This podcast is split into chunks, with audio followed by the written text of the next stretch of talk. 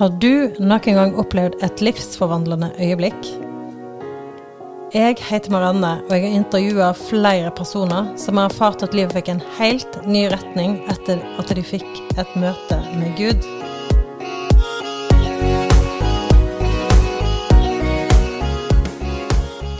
Jeg bor i Oslo, jobber som familieveileder, og jeg har alltid likt å høre folk sine historier. Særlig hva som skaper de store og de gode endringene. Og i dag så er det Kevin som skal fortelle sin historie. Gud, hvis du eksisterer, hvem enn du er, redd meg.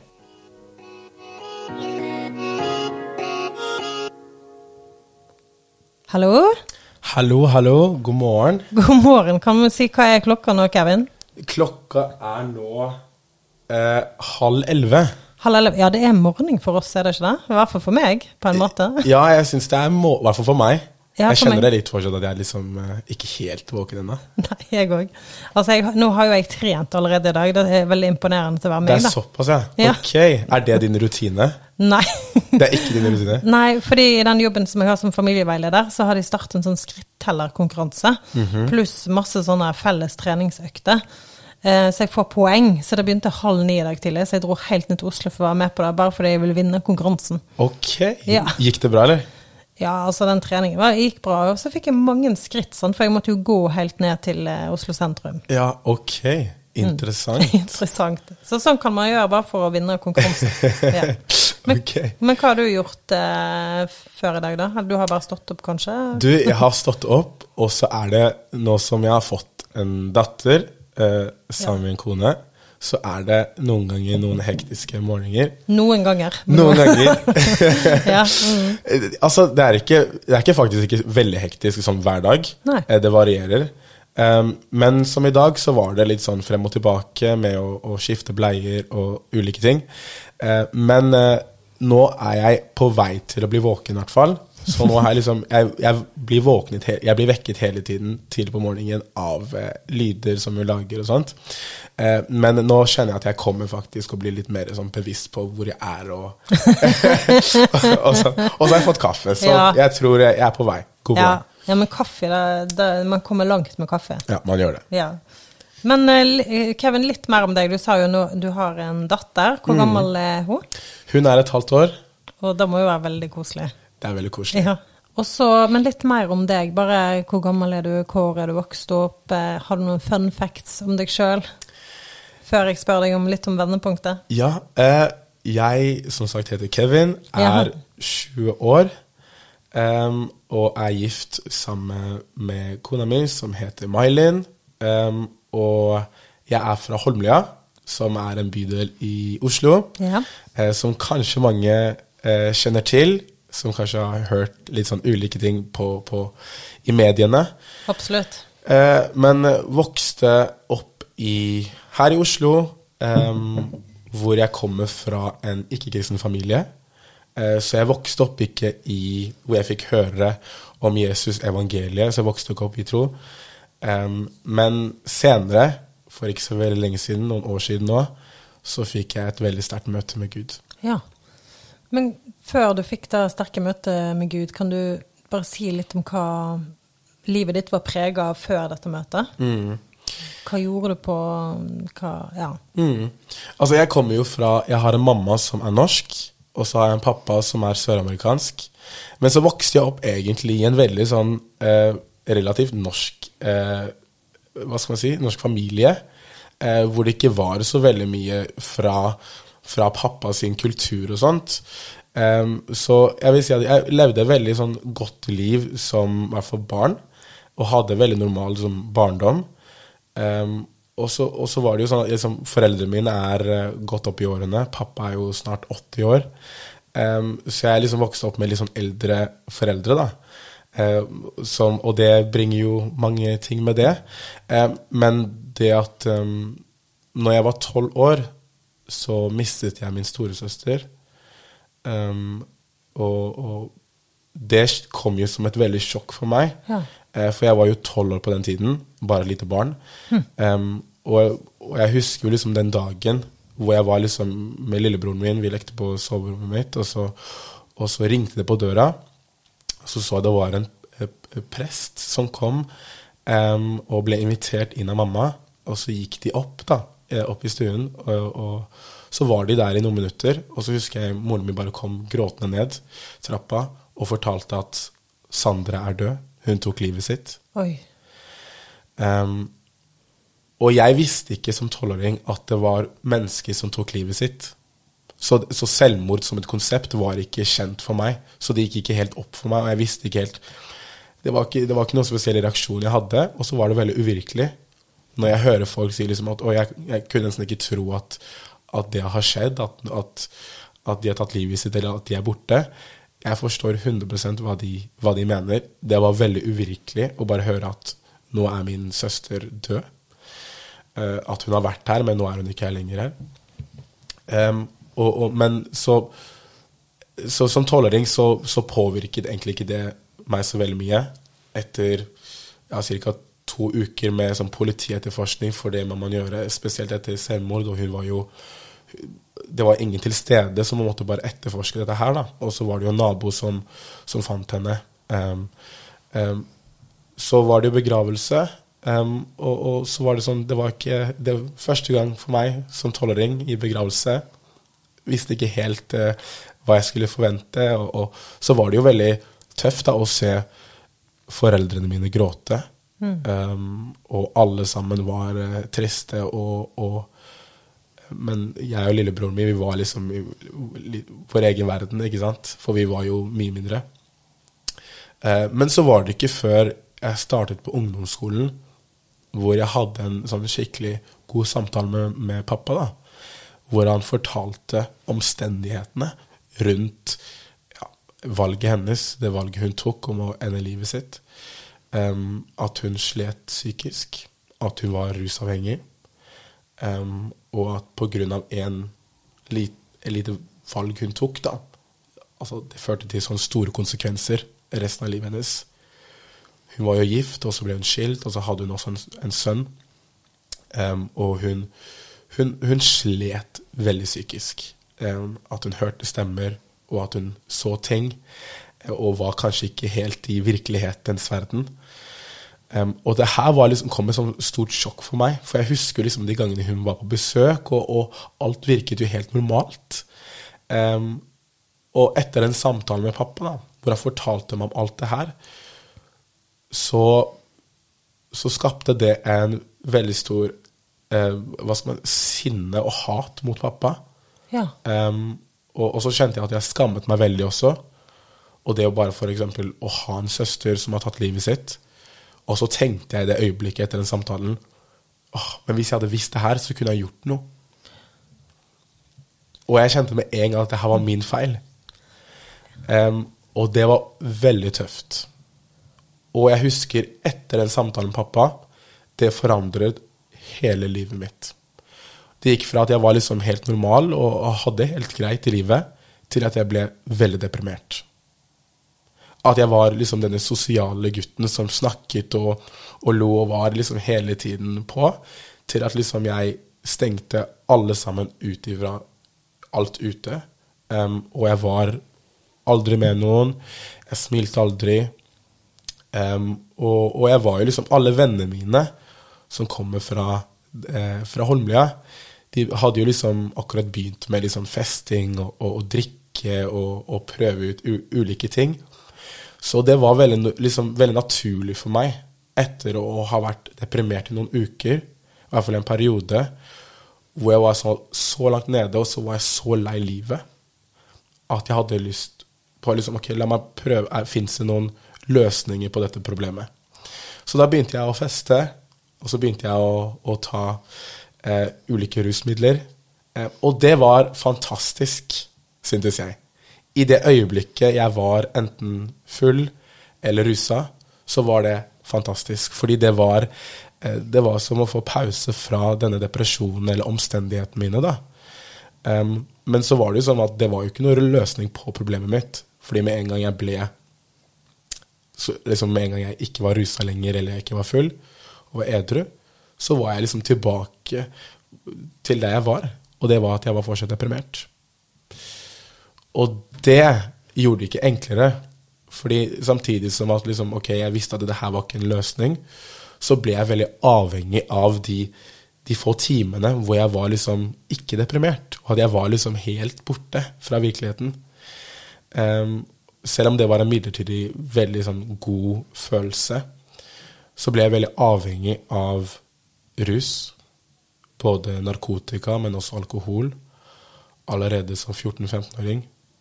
Så da var jeg både deprimert og avhengig av, dis, av, av rus. Um, og, og, det førte jo til enda større vanskeligheter. Eh, hvor at liksom Ikke bare at det var noe når vi festet, at, at, jeg trengte den rusen, men at det ble sånn at det var noe daglig eh, avhengighet som jeg trengte. Um, og, og, og, det var jo ikke bare bare for en tenåring. Um, det ødela både det psykiske, men også det fysiske, hvor jeg ble utrolig sliten. Um, og, og denne, denne, skammen og det hatet, bitterheten som jeg hadde mot min far og meg selv, um, den bare ble enda større gjennom rusen også. Um, hvor, liksom, hvor jeg hadde liksom Man har jo spesielt unge som kan tulle med veldig mye forskjellig. Så man tullet jo gjerne ofte med selvmord, eller om at, om at den personen skal til livet sitt, og kan du ikke drepe deg selv. og det gikk inn på meg veldig, veldig sterkt. da. Og jeg tok det veldig personlig. Så jeg hadde veldig mange øyeblikker hvor, hvor jeg ble bare, bare, dratt enda lenger ned av sånne som man kan kalle småting, som, som trigger disse, disse, tingene. da. Um, og allerede som 16-åring så var det da jeg første gang prøvde å ta livet mitt. Um, og jeg husker liksom jeg hadde gått frem og tilbake på metoder. Uh, for jeg, jeg, var liksom ikke, tenkte ikke liksom bare på meg selv. Jeg tenkte også litt på foreldrene mine. Skal jeg virkelig gjøre det? Skal de miste enda et barn til selvmord? Um, men så, så, fant jeg en liksom, Ok, da skal jeg drepe meg på denne måten. Drepe meg selv. Og, og, det er veldig, veldig radikalt å si, og brut, det høres veldig brutalt ut. Men det var virkelig min virkelighet og, og mine omstendigheter. Jeg forstår. Mm. Um, um, så, så fra en alder av 14-15 så var jeg deprimert, avhengig av rus. Og så fra 15 til oppover eh, til 17-18 så prøvde jeg å ta livet mitt um, veldig mange ganger.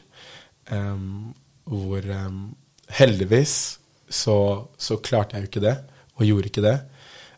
men jeg var veldig langt nede. Ja, det er vel der vendepunktet ditt kom inn. Ja. Så det var sånn Jeg hadde jo prøvd absolutt alt. Fordi depresjonen forsvant ikke. Og den ble jo bare enda tyngre å bære på og gå gjennom. Um, så som at jeg har prøvd liksom den rusen, og så tenkte jeg ok, nå har jeg prøvd absolutt alt. Ingenting fungerer. Jeg har vært hos psykolog. Jeg har vært i barnevernet, snakket med så mange mennesker som har i hvert fall prøvd å tilby ulike løsninger um, som ikke har fungert i det hele tatt. Um, men så husker jeg det var en, en, kveld. Og det som er litt morsomt, er at uh, rundt denne tiden så, så var jeg liksom sånn, skikkelig sånn festmenneske. da. Så jeg festa hver eneste helg og hver eneste dag jeg kunne. Um, og da var det jo sånn at jeg uh, hadde møtt en jente på Tinder, av alle steder. uh, litt sånn useriøst, da. Ja. Uh, og, da og dette er jo selvfølgelig min nå-kone. Ja. Um, men så, så, vi møttes etter å ha snakket litt. Um, fordi jeg tenkte da at jeg har ikke prøvd et forhold. Så kanskje det kan være en løsning på, på disse problemene mine. Ikke sant? Eh, men så var det jo sånn etter jeg kom inn i dette forholdet, to, under, to uker inn i dette forholdet, så skjønte jeg ok, jeg er fortsatt deprimert, så det her var ikke en løsning. Skjønner. så, så, jeg, så da tenkte jeg liksom ok, nå er det ikke noe håp igjen. For nå, nå, tenkte jeg liksom Nå har jeg prøvd absolutt alt. Hva er det annet jeg kan prøve som kan, som kan løse dette her, da? Eh, som kan fylle den tomheten som, som jeg bærer på. Um, så to uker inn i dette forholdet og jeg var forelsket i henne og, og, og var kjempeglad i henne. Men jeg bare var veldig lei. Helt lei. Og jeg har vært på, på det så langt nede veldig mange ganger. Eh, men hvor jeg tenkte, vet du hva, nå må jeg bare glemme om, om foreldrene mine blir lei seg eller skuffet. Nå tror jeg at jeg egentlig bare ender livet mitt. Eh, men så fikk jeg en veldig sånn kjapp tanke før jeg skulle begynne å tenke på ok, hvordan skal jeg gjøre det her. Og det er Men hva om Gud finnes? Ja. Hva om Gud finnes? For det hadde jeg ikke tenkt på. Men hadde noen rundt deg snakket om Gud? Nei. Og jeg hadde jo veldig Mange av vennene mine var jo muslimer. Og så hadde jeg, så hadde jeg liksom ulike venner fra ulike religioner, som var liksom religiøse. Eh, Men jeg hadde ikke gått rundt og tenkt på det her med Gud, eller hvem er Gud? Om Gud er ekte, om han, om han finnes. Eh, Men, men denne tanken kom bare til meg, da. Var det den kristne guden du tenkte på da, egentlig? Eller var det bare Gud generelt? Sånn, Gud Gud? generelt. Ja, sånn, eh, ja. Gud som en skaper. ja, forstår. Mm. Eh, så jeg husker liksom Og det her var liksom Da var jeg veldig langt nede, som sagt. Så jeg var liksom i stua mi, hjemme alene, på kvelden, og så bare knelte jeg, og jeg ropte ut til Gud. Som en siste løsning, da. Og jeg ropte virkelig i tro, som at liksom, ok, det er noen jeg snakker til der ute. Um, og så sa jeg det her. Gud, hvis du eksisterer, hvem enn du er, redd meg, eller så kommer jeg til å ta livet mitt. Og de ordene, de, de sitter fortsatt i meg, fordi de, de ordene har egentlig endret absolutt alt. Eh, til den dagen, liksom til den jeg er i dag. Herlighet. Um, og, og det som er litt morsomt, da Nå lever vi jo liksom i 2021, eh, liksom i den, den eh, moderne verden, med sosiale medier og sånt. Så rett etter jeg ropte ut til Gud, da, i, i desperasjon, så kom jeg over en menighet, som er nå min menighet, som jeg er ungdomsleder i, em, på Instagram, av alle steder. Ja. Eh, ikke noe som jeg hadde søkt på. Ikke noe som jeg fulgte, fordi jeg var liksom ikke interessert i, i, i menighet eller, eller Jesus eller noe som helst. Men det kom bare veldig til gudfeldig, om vi kan kalle det det, Ja. eh, på, på, på Instagram. Så husker jeg satt i kjæresten min, da. Og jeg, og jeg så på det her som et bønnesvar. Em, så sa jeg til kjæresten min på den tiden Kan ikke vi dra hit? Uh, og hun kom jo fra en veldig uh, En familie som, som ikke er så veldig fan av kristne. Som har kanskje litt sånn dårlig erfaring også med kristne. da. Um, men som kommer fra en familie som ikke tror på noe. Ateister. Um, så hun hadde allerede litt sånn fordommer når det kommer til kristne, troende og menigheten. Men så sa hun ja. Ok, la oss dra. Og det var liksom for, for min skyld, da. Eh, fordi hun var liksom såpass så glad i meg. Em, så dro vi en, på en sånn der, et eh, kveldsmøte. Hvor vi kaller det sånn revival nights. Sånn, sånn skikkelig sånn vekkelsesmøter. eh, så husker jeg vi kommer inn eh, i Markus kirke på Sankthanshaugen. Vi går inn i dørene, og det første jeg og eh, May-Lin blir møtt med, det er klemmer. Og det er ikke, det er ikke engang hei først, det er bare at folk som klemmer oss. Oi. Og så husker jeg liksom, imens vi ble klemt, så ser jeg og mannen min på hverandre, da. Kjæresten min på den tiden. Og, og så tenker vi liksom ok, hva slags sekt er det her for noe? det var, for det var, veldig, det var veldig rart og veldig unaturlig. Vi hadde aldri kommet til et sted hvor vi følte oss så hjemme med en gang. Ja, så dere følte dere For noen kunne jo blitt skremt av en sånn klem. Ja, ikke sant? Men vi følte oss veldig godt tatt imot. Så fint. Um, og så, så fikk vi snakke, og så, og så, og så, var det jo det møtet, da. Og så, så var det veldig spesielt, da. Um, så ble vi invitert på noe som heter disippelgrupper, uh, som man har hver eneste uke. eh, Hvor man liksom har alle i menigheten møtes i hjemmene. Eh, Hvor mange kan kalle det her cellegrupper og, og smågrupper og sånt. Eh, neste uke, da. Eh, men istedenfor at det var disippelgruppe, så var det faktisk dåpsmøte.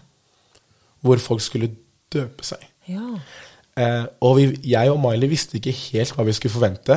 Når vi hørte ordet dåp, så tenkte vi liksom Den norske kirke. Ja. Liksom sånn, liksom små babyer som bare liksom får litt sånn vann på Ja. hodet og sånt. Så det var liksom forventningen vår, da. Ehm, så når vi kom til dåpslokalet mm. og så husker jeg det her er veldig sterkt Åpne døra til det her dåpslokalet, og så kommer jeg inn i bygningen. Så kjenner jeg Guds nærvær så sterkt. Og jeg, og, jeg, og, jeg, og jeg kan liksom ikke si Da kunne jeg ikke si at det var Gud, fordi jeg kjente ikke Gud som personlig, men jeg visste at det var et nærvær som var Det var et nærvær som var så sterkt der. Um, og jeg kjente på en sånn skikkelig sånn stor fred. Og jeg kjente meg så trygg. Og det var så varmt og godt der. Så under dåpsmøtet så, så jeg unge mennesker tilbe Jesus, løfte opp navnet Jesus. Um, og det var et veldig, veldig sterkt øyeblikk. Folk som ble døpt. Og så husker jeg disse menneskene som inviterte oss til, til dåpen, kom bort til oss eh, etter møtet da, og spurte vil dere ta imot Jesus. Og så husker jeg tilbake, på liksom en uke tilbake, hvor jeg var på knærne mine i stua mi den kvelden, langt nede, og jeg ropte ut til Gud. Og nå er jeg her i dåpslokalet, og jeg skal ta imot Jesus. Så i det øyeblikket, fordi det var, både, det var liksom et par da, som kom bort til oss, så hun ene gikk bort til, til kjæresten min, og så, og så han ene han la hendene på meg. Og i det øyeblikket han la hendene på meg og begynte å be for meg, alle lenker av depresjon som jeg hadde slitt med i mange år som en 14-åring, alle lenker av avhengighet, de ble knust. Så denne depresjonen og avhengigheten som jeg hadde opplevd og båret på i mange, mange år, og prøvd mange ting for å, for å bli satt fri, da, så fikk jeg endelig oppleve den sanne friheten. Og så forsto jeg at det her handler ikke om religion i det hele tatt. Men det her handler om en kjær Gud som elsker meg, og som døde for meg personlig. Og da forsto jeg at liksom, det her handler om en personlig relasjon som Gud vil ha med meg. Så i det øyeblikket så ble jeg satt fri. Og jeg bare ble så forelsket i Gud. At først og fremst Gud elsket meg, men i en respons til den kjærligheten så bare ble jeg så forelsket i Jesus. Så husker jeg jeg liksom ser til, til, siden av meg, da. Så ser jeg kjæresten min. Hun gråter og gråter og gråter. Og dette her er jo liksom jenta fra Nesodden som, som hatet egentlig kristne og hadde fordommer mot kristne. Men som bare, som, som, som bare blir møtt av Gud så sterkt, da. Um, så vi drar fra det møtet forelsket i Gud. Fra å være avhengig av narkotika til å bli avhengig av Jesus. Så husker jeg utenfor det lokale, så var det en søppelkasse.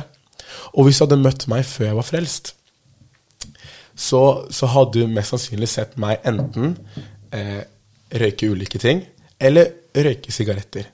For jeg røyket sigaret, liksom 20 sigaretter i løpet av en dag. Jeg var veldig avhengig. Skjønner. Og det, gikk, det var ikke mulig å slutte. Eh, som jeg prøvde så, i min egen styrke. da.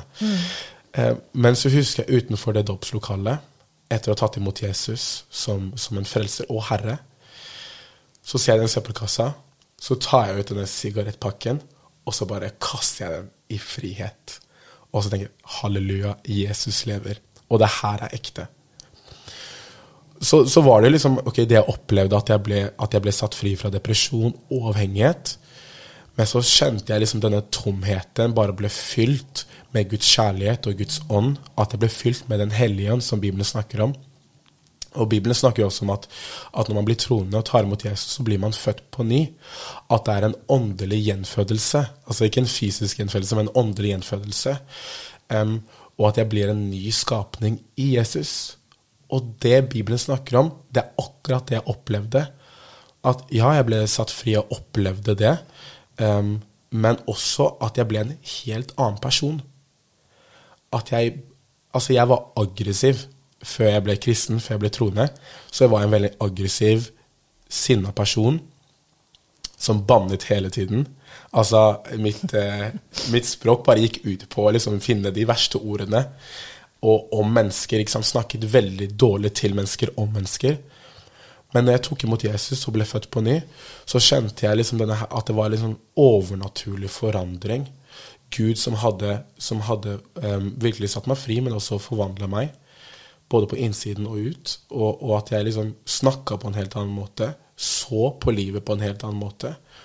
Um, og behandlet mennesker på en helt annen måte. Så dagen etter Jeg gikk jo på den tiden på en skole hvor miljøet var i kanskje ikke det beste miljøet. Hvor det var veldig sånn fest og ja, veldig mye sånn rusmiljø, da. Um, um, og jeg starta jo hver eneste morgen med å, å, å røyke ulike rusmidler, om man kan si det, narkotika, uh, før vi skulle gå inn i timen da, på skolen. For vi rusa oss igjen opp gjennom liksom hele dagen. Alle pauser etter skolen, før skolen. Uh, men så visste jeg etter å ha tatt imot Jesus vet du hva, det her kan jeg ikke, dette her må jeg ta avstand fra. Det her trenger jeg ikke, og nå vet jeg mye bedre. Jesus, Gud, er den eneste jeg trenger. Eh, så jeg starta jo jeg, liksom, jeg, dro rett til skolen dagen etter.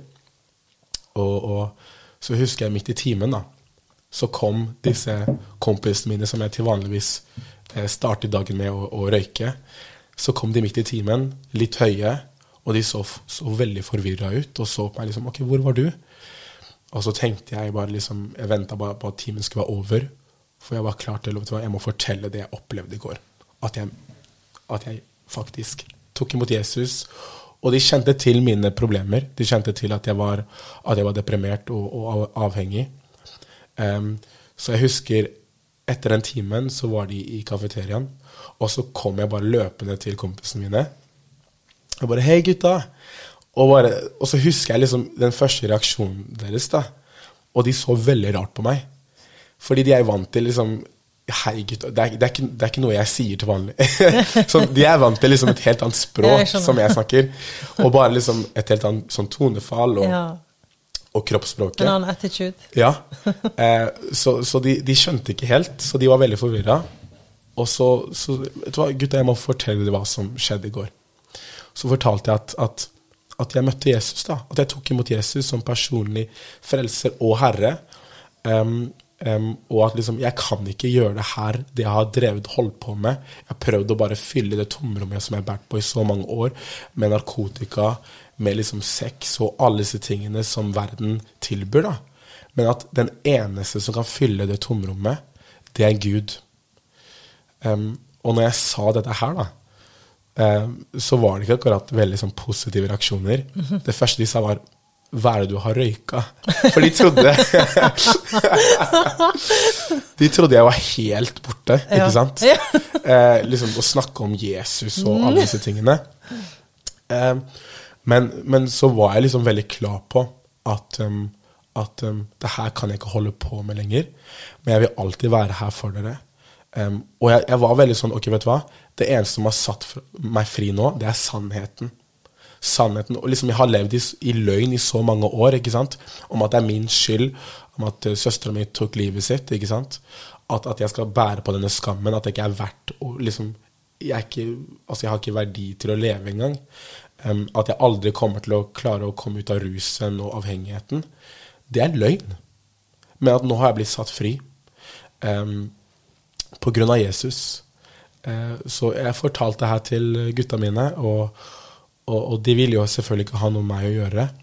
Um, men altså, etter det møtet med Gud, så har Gud tatt med meg og min kone på en så stor reise. Gud har gjort så store ting i livet vårt. Uh, så Gud er så god, og jeg sier det, og jeg vil alltid si det her. Altså, jeg hadde ikke levd til den dag i dag om det ikke hadde vært for Jesus. Mm.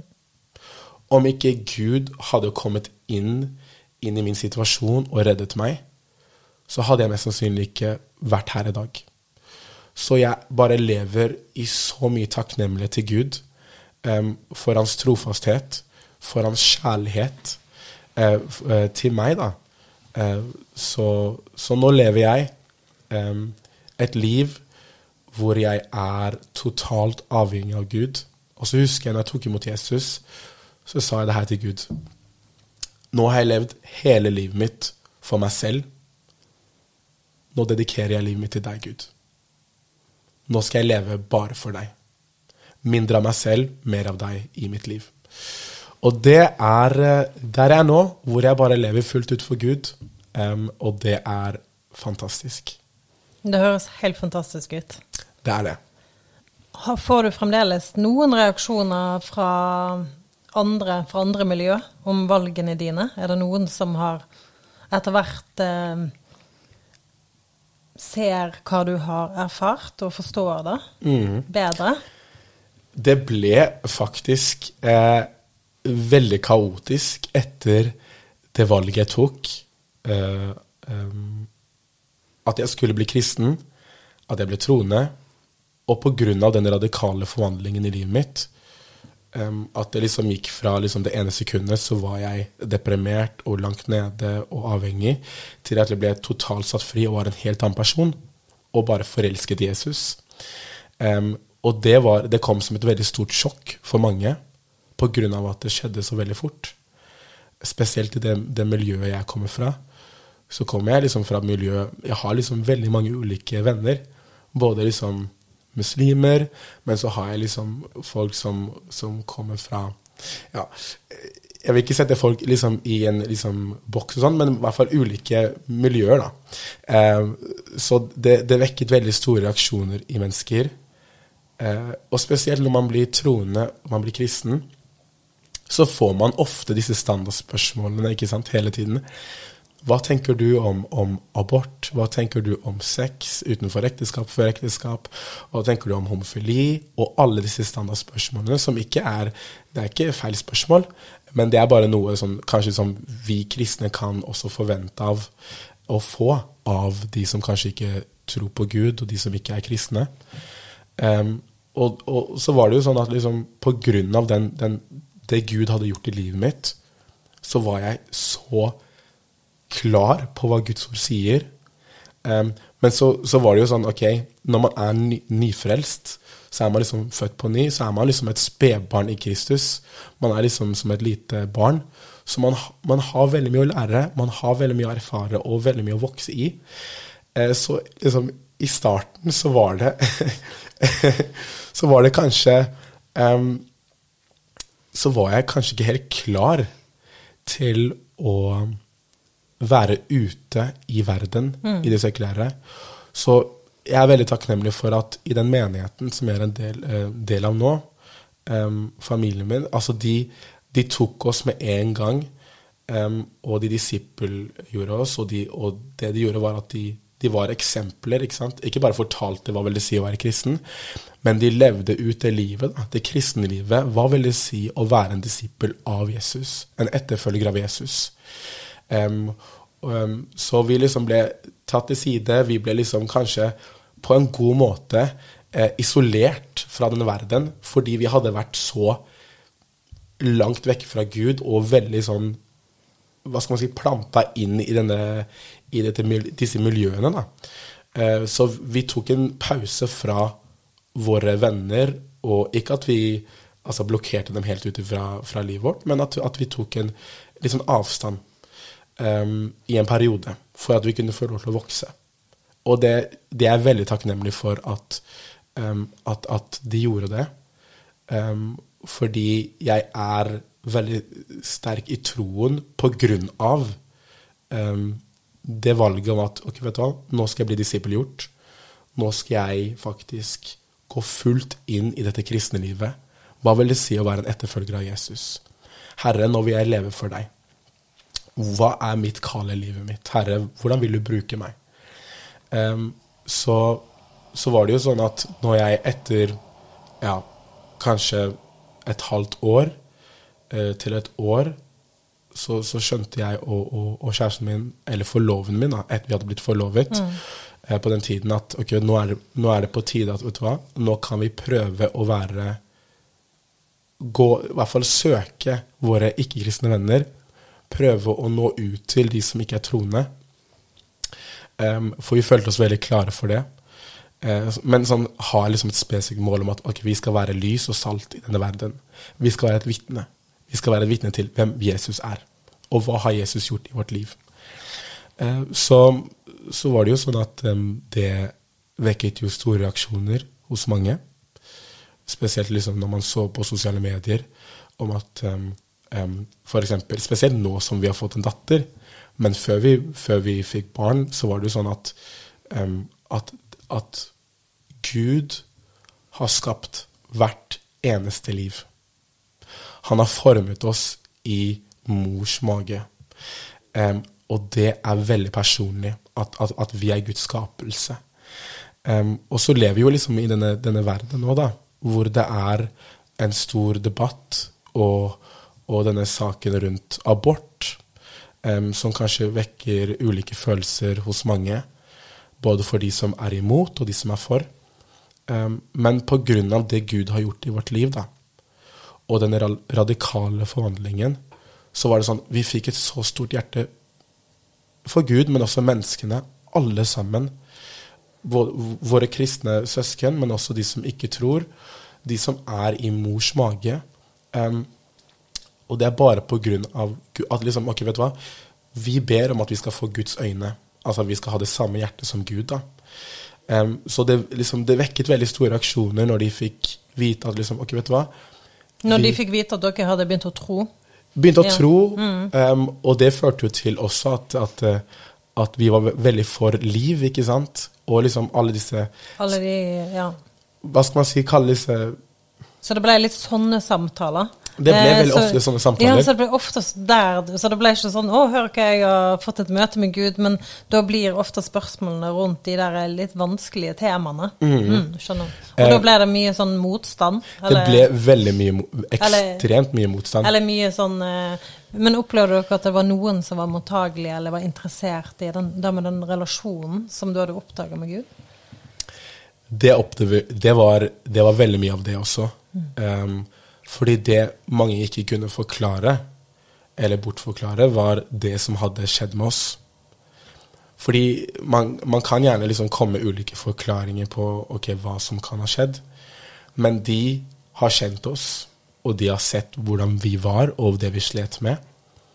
Og så har de sett den store forandringen i oss. Og det var ikke noe de kunne forklare bort, annet enn at det var Gud. Så vi har fått veldig gode samtaler med mennesker hvor de har sagt det er noe dere har som ikke vi har. Hva er det? Så har vi sagt det er Jesus. Og så, og så er det mange som kanskje ikke er helt villige til å, til å ta det steget. Fordi mange forstår egentlig at kristenlivet handler ikke bare om å kalle seg selv kristen, men det handler faktisk om å ha et personlig forhold til Gud. Mm. Um, og at man lever for Gud. Ikke at, man, at, at det skal være noe negativt, men at det kan, være, det kan, virke som et veldig stort steg for mange, som kanskje ikke mange er klare til. Um, men vi har fått så mange gode samtaler. Uh, men så kommer alle disse standardspørsmålene, så det er ikke alle som vil snakke om alle disse tingene. fordi man liksom Det stopper litt på de spørsmålene. Det stopper disse tingene da, Det er veldig interessant. Men hvordan syns dere det har vært å stått i de spørsmålene? Skjønner du? Liksom Alle de spørsmålene kommer. Er det ubehagelig, eller hvordan oppleves det for dere? Eh, jeg tror for eh, kona mi nå eh, Nå så er det ikke ubehagelig for henne. Det er noe som hun er vant til, og hun, hun, hun kjenner seg trygg på det. Eh, men i starten for henne så var det veldig tøft.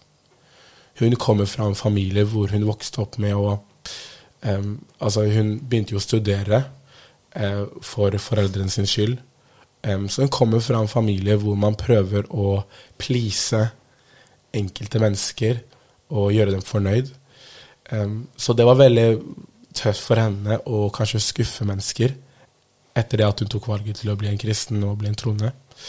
Um, men for meg så var det kanskje ikke så veldig tøft.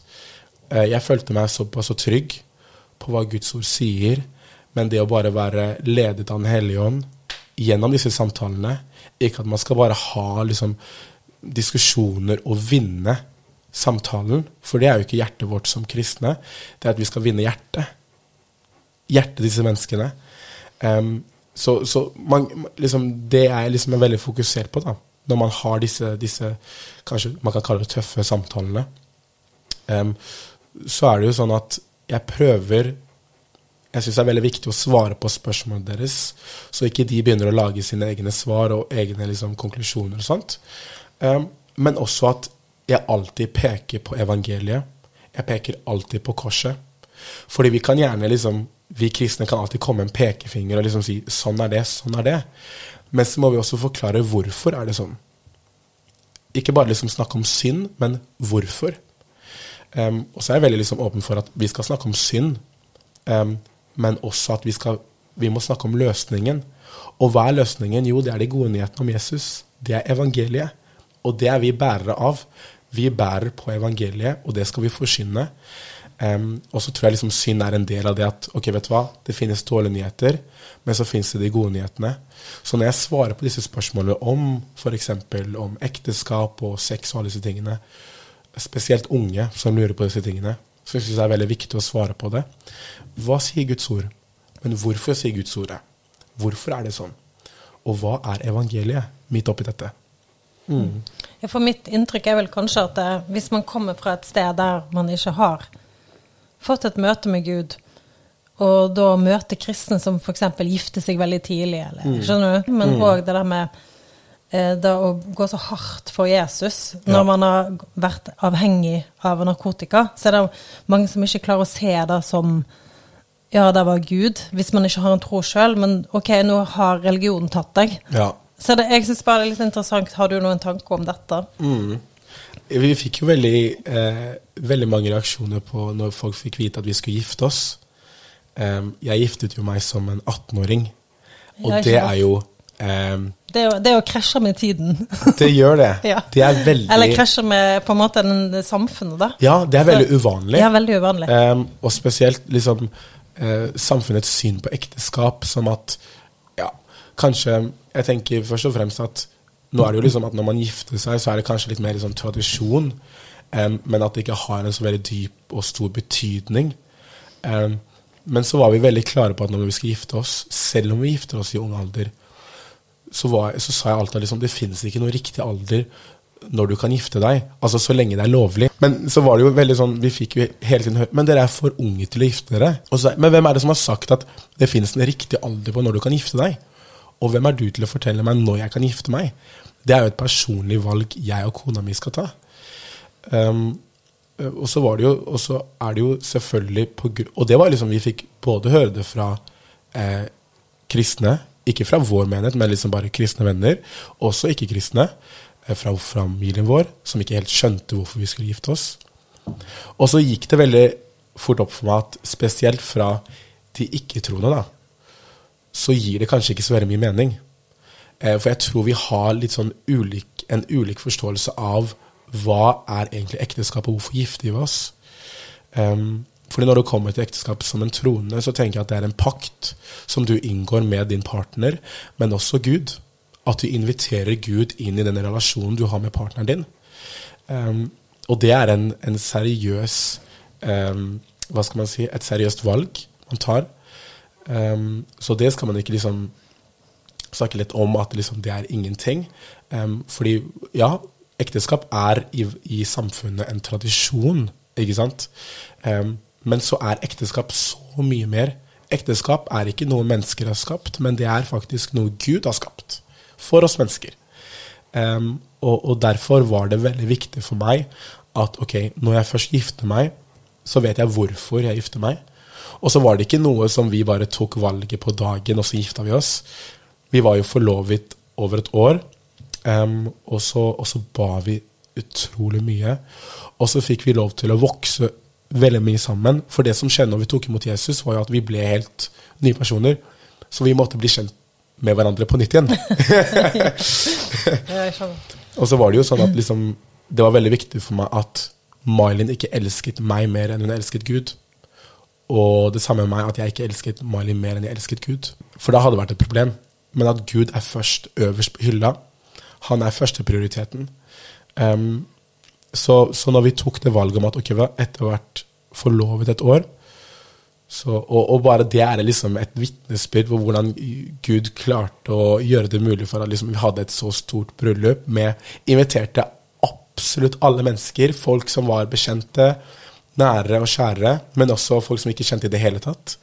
Så vi hadde åpen vielse, for vi skulle forsyne evangeliet, vi skulle dele vitnesbyrdet vårt, så skulle vi ha lovsang. Um, så folk fikk muligheten til å um, møte Gud og ta imot Jesus. Um, men så fikk vi veldig sånn sterke, som, som sagt, da, uh, på det at vi skulle gifte oss som For det er veldig utradisjonelt, i Norge spesielt. Um, så, men, men, men, det å bare at Gud har vært trofast, og det har vært tøft Så jeg vil ikke liksom Det har vært veldig tøft, spesielt for kona mi. Um, det å bare liksom Ok, vi, nå skal vi gifte oss. Um, fordi mennesker har ikke helt forstått og skjønt hvorfor. Men at vi at liksom, Ok, så lenge vi vet hvorfor. Og så har vi liksom en hel menighet, en hel familie, som står bak oss, står sammen med oss, som backer oss, eh, som ber for oss. Um, så, men det har vært en utrolig utfordrende, men en fantastisk reise samtidig. Også det at, um, at liksom alt det som har skjedd, da um, At liksom mange tenker at liksom, ok, nå har vi blitt hjernevasket.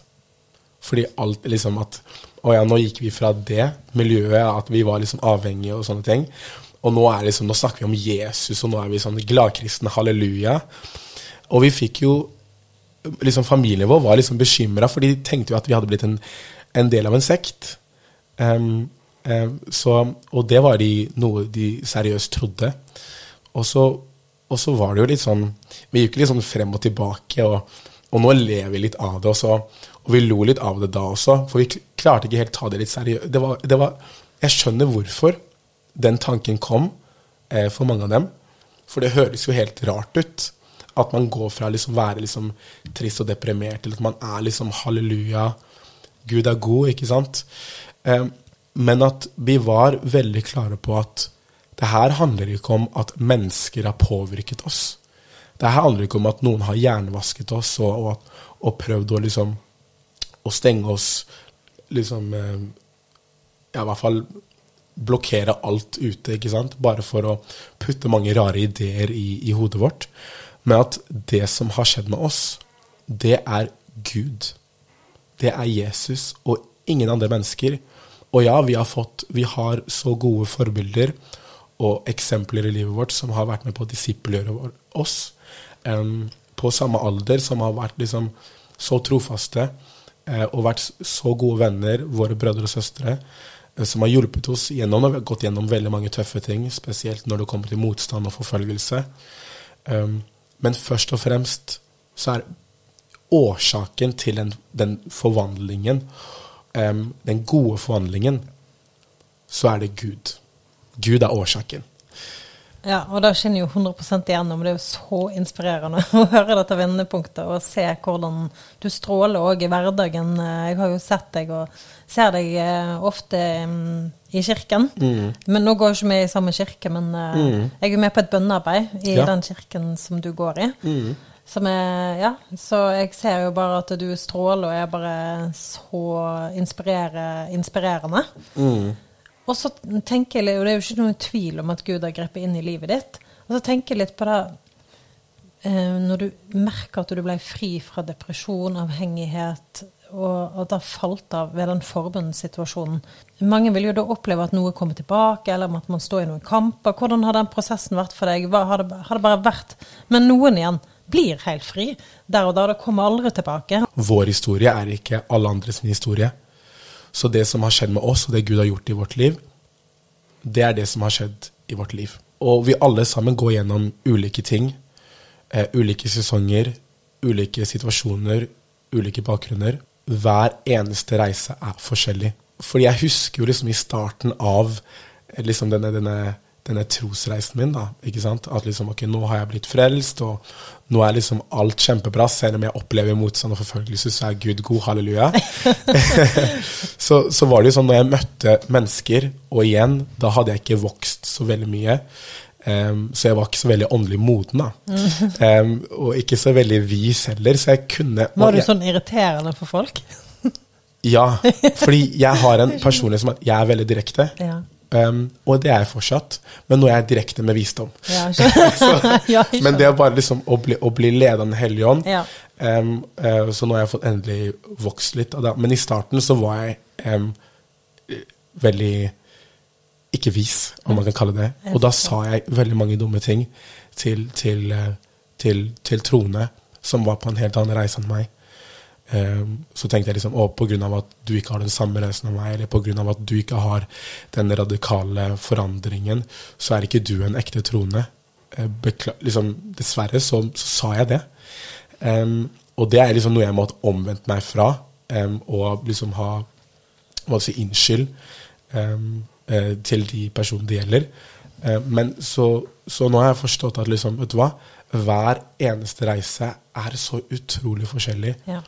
Eh, og Gud, han gjør ulike ting i våre liv. Fordi vi har ulike behov. Vi går gjennom ulike ting. Eh, så, så det som skjedde med meg, jeg, ble, jeg, jeg kjente på denne eh, raske forandringen. Og så er det noen, en søster i Bergen eller en, en bror i Tromsø som kan gå, gå gjennom noe helt annet. Ja. Eh, og det er helt greit, fordi det finnes så mye nåde i det. Men det er jo helt fantastisk det du har opplevd. Og jeg lurte på om du veldig kort, for nå må vi avslutte, men veldig kort kan bare be. Um, hvis det er greit jeg utfordrer deg på å be, for da kan jo være det noen som lytter nå, som sitter der du satt uh, med lenke uh, i et mørke. Kunne du bare bedt en bønn? Selvfølgelig.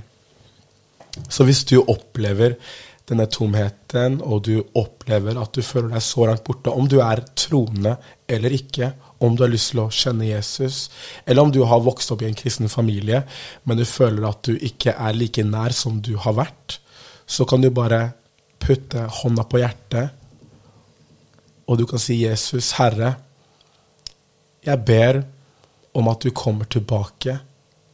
Herre, jeg vet at du døde på korset for meg personlig, at du tok på deg alle mine synder, at ved dine sår så har jeg fått legedom. Du betalte prisen for meg, Herre, så jeg kunne oppleve sann frihet, sann legedom, Herre. Herre, jeg ber om at jeg kan få lov til å komme i en dyp relasjon og nær relasjon med deg, Jesus.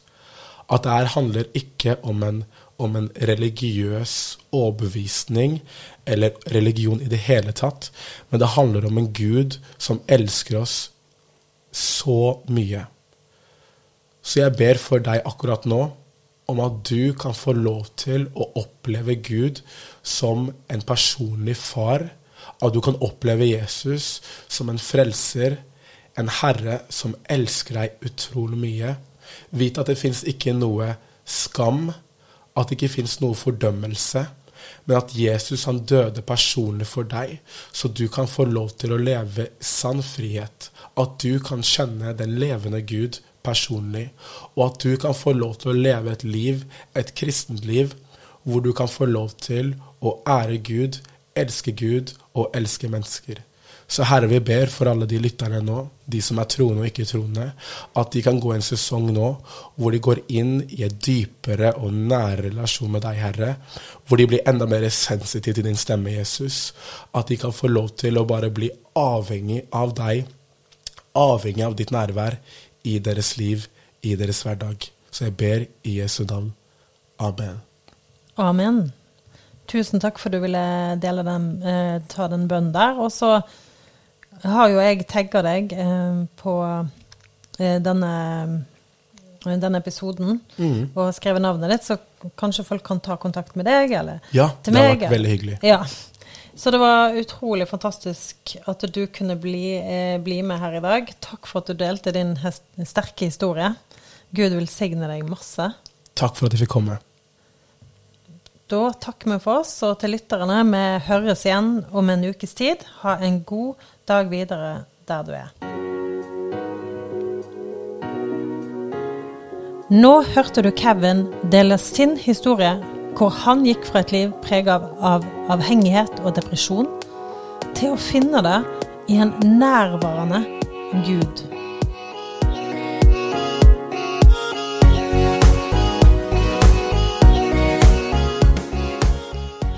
Likte du episoden? Del den gjerne på Facebook eller på Instagram. Og hvis du har spørsmål til episoden, følg og send melding til meg på Instagram-konto vendepunkt-podkast. Og hvis du har flere spørsmål om Gud, vil du òg finne en link til gratis nettkurs om temaet.